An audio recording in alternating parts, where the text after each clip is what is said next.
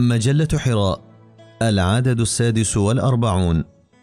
تعظيم الشعائر واحترام المقدسات في الإسلام بقلم عبد العزيز بن عمر.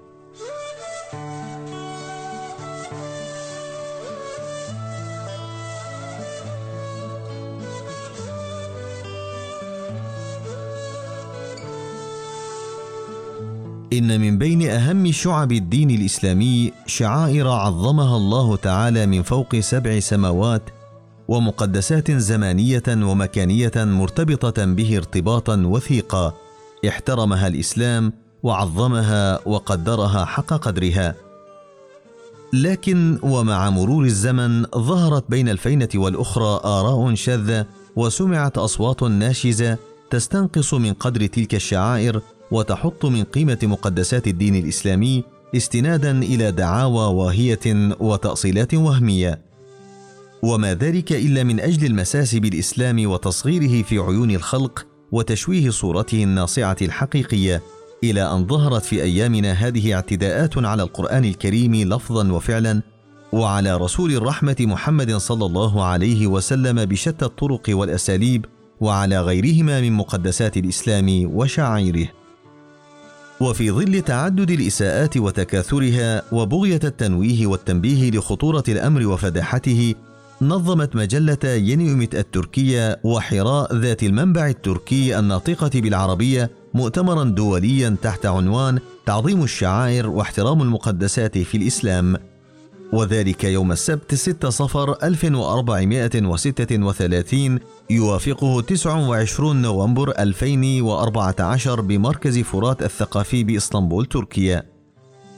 بدأت فعاليات المؤتمر بتلاوة آيات بينات من الذكر الحكيم بصوت القارئ مصطفى ييت، ثم أتبعه الدكتور أرجون شابان رئيس تحرير مجلة ينيوميت التركية بكلمة ترحيب بالضيوف الذين شرفوا المؤتمر وزينوه بحضورهم والذين قدموا من مختلف دول العالم من تركيا والهند وتونس والمغرب والأردن والسودان والسنغال وموريتانيا.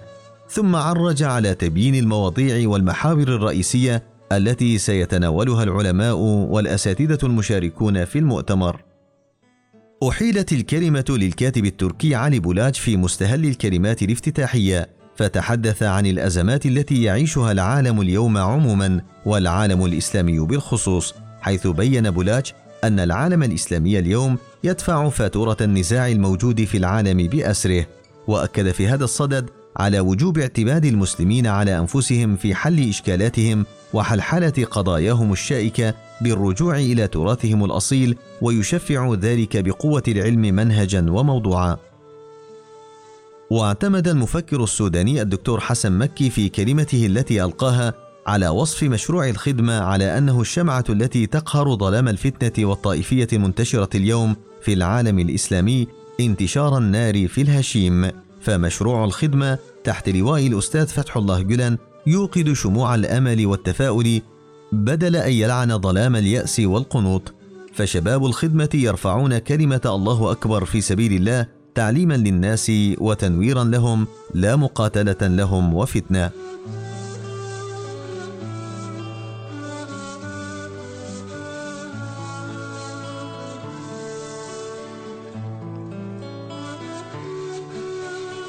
هذا وقد أكد فضيلة الشيخ طاهر فال من السنغال أن فكر الأستاذ فتح الله جلن علم الناس الحب والاحترام وإنا لنرسل له كل تقديرنا واحترامنا نيابة عن كل السنغاليين.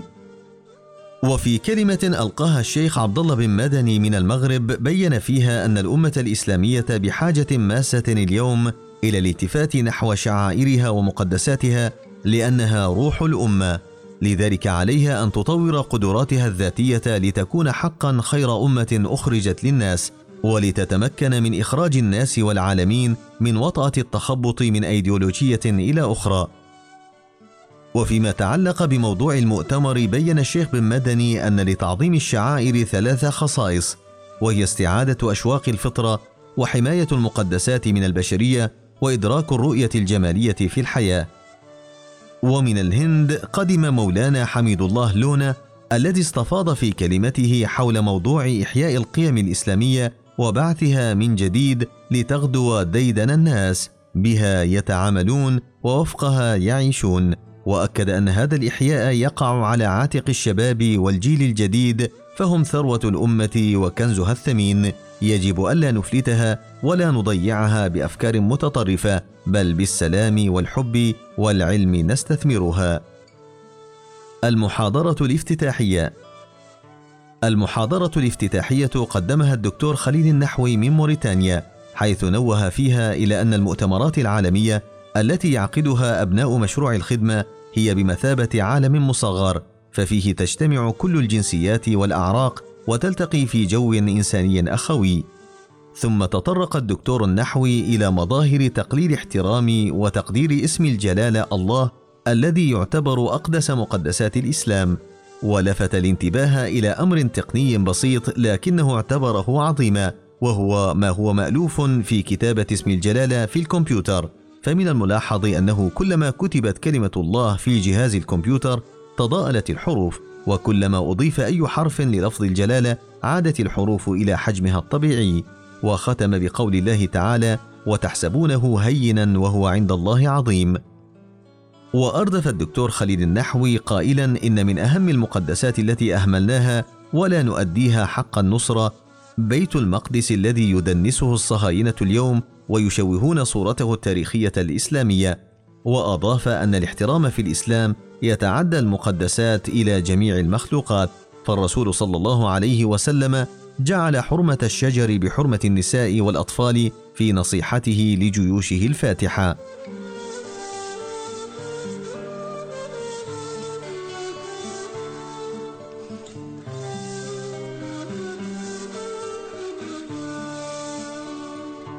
الجلسة العلمية الأولى ترأس الجلسة العلمية الأولى الدكتور سعاد يلدرم من تركيا وشارك فيها كل من الدكتور محيط مرت والدكتور محي الدين أكل والدكتور علي إحسان يتك من تركيا. ابتدأ الدكتور محيط مرت مداخلته بالبعد التربوي لاحترام الشعائر والمقدسات ودعا إلى وجوب إدراج ما يدعو إلى احترام الذات الإلهية والمقام النبوي وغيرهما من المقدسات ضمن المناهج التعليمية. وأكد على أن نشر وتعليم تعظيم المقدسات الإيمانية والعقدية مهمة تربوية جليله وواجبة وضرب مثلا وانموذجا لذلك العلماء الربانيين الذين إذا أوردوا في حديثهم الذات الإلهية أو سيد الأنام محمدا صلى الله عليه وسلم خشعوا ووجلوا واستحضروا كل معاني الاحترام والتعظيم. وفي المداخلة الثانية من الجلسة العلمية الأولى وضح الدكتور محي الدين أكل أن منهج القرآن الكريم واضح في ذكره للأنبياء فهو يحترمهم أثناء ذكرهم ويبجلهم فوجب التدقيق دوما في تأويل الآيات المتعلقة بمقام النبوة في القرآن الكريم. فليس من اللائق تفسيرها بما لا يرتقي إلى المقام العلي للأنبياء والرسل عليهم السلام وهذا يقع على عاتق العلماء والمعلمين الذين عليهم أن يرسموا الطريق الموصل للناشئة لتعظيم ما عظم الله ويقدروه حق قدره. وفي مداخلة بعنوان احترام الآخر في الإسلام عرض الدكتور علي إحسان يتك بشكل عام مقارنة بين الأديان في موضوع الإنسان من حيث قيمته وجزاؤه وعقابه. ثم استخلص أن الدين الإسلامي أرقى الأديان في نظرته وتعامله مع الإنسان.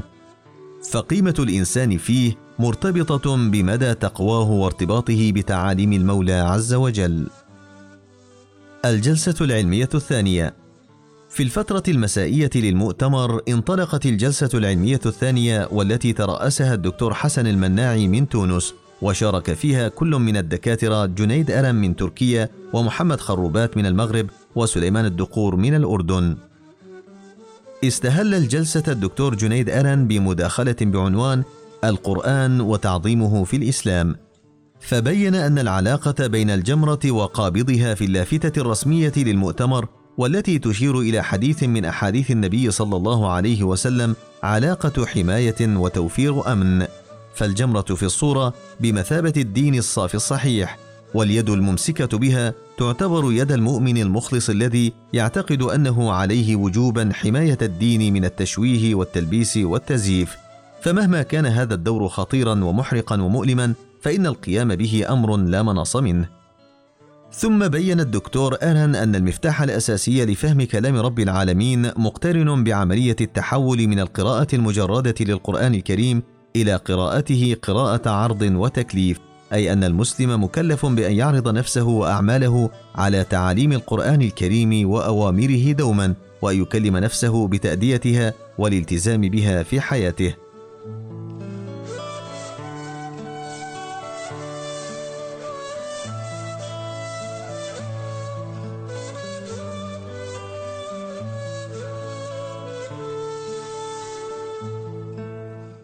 وقد تعرض الدكتور محمد خروبات من المغرب في مداخلته مكانة الرسول صلى الله عليه وسلم والصحابة الكرام إلى ظاهرة الاستهزاء بالمقدسات الإسلامية ووصفها أنها أصبحت ديدن المغرضين طوال التاريخ.